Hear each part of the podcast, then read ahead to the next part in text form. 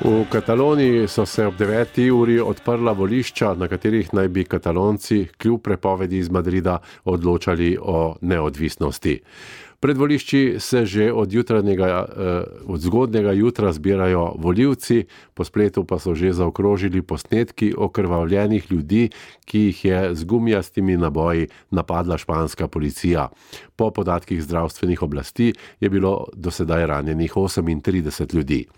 Gora Srečnik je v deževno katalonsko prestolnico poklical radijsko kolegico Špelo Novak. Ja, res se zdi, kot da uh, se je tudi vreme nekako zarotilo proti kataloncem oziroma stopilo na stran španskih oblasti. Uh, stanje je pa različno po različnih voliščih. Uh, z, z nekaterih volišč, kot si dejal, prihajajo res krvavi prizori brutalnega posredovanja policije.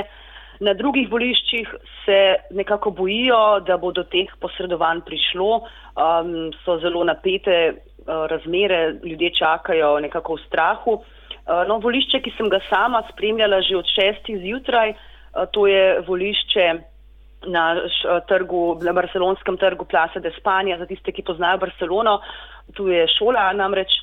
To volišče je pa pravzaprav vse čas že zelo mirno. Tukaj ljudje prihajajo že od šestih zjutraj. Uh, oziroma še prej, prišli so množično, da bi preprečili to, da bi policija šolo zaprla. Teh poskusov zjutraj ni bilo. Um, tudi potem policija ni prišla na to šolo, tudi ko so z drugih volišč začele prihajati informacije, da pa je tam brutalno posredovala. Um, skratka, ljudi je tam zelo veliko, ne vem, recimo nekaj sto, uh, čakajo, uh, nekateri so z otroki, samo glasovanje pa poteka dokaj počasi zaradi težav z internetno povezavo. Na spletu so zaokrožili tudi posnetki, kako policija jemlje volilne skrinjice po nekaterih voliščih, ljudje pa kričijo, da bodo glasovali. Kako ali potem gredo na ta volišča, kjer ni policije ali policija kroži, je znano, kakšno strategijo ima španska vlada s svojo policijo.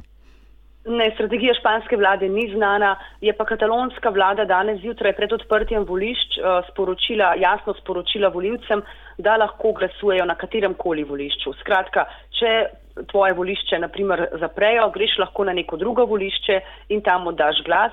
Uh, ker seveda podatki so vsi elektronski. Uh, kot pa pravim, ne, težave so v, v internetni povezavi, zato to poteka nekoliko počasneje. Težave so seveda tudi pričakovane, ker jih je španska vlada napovedala.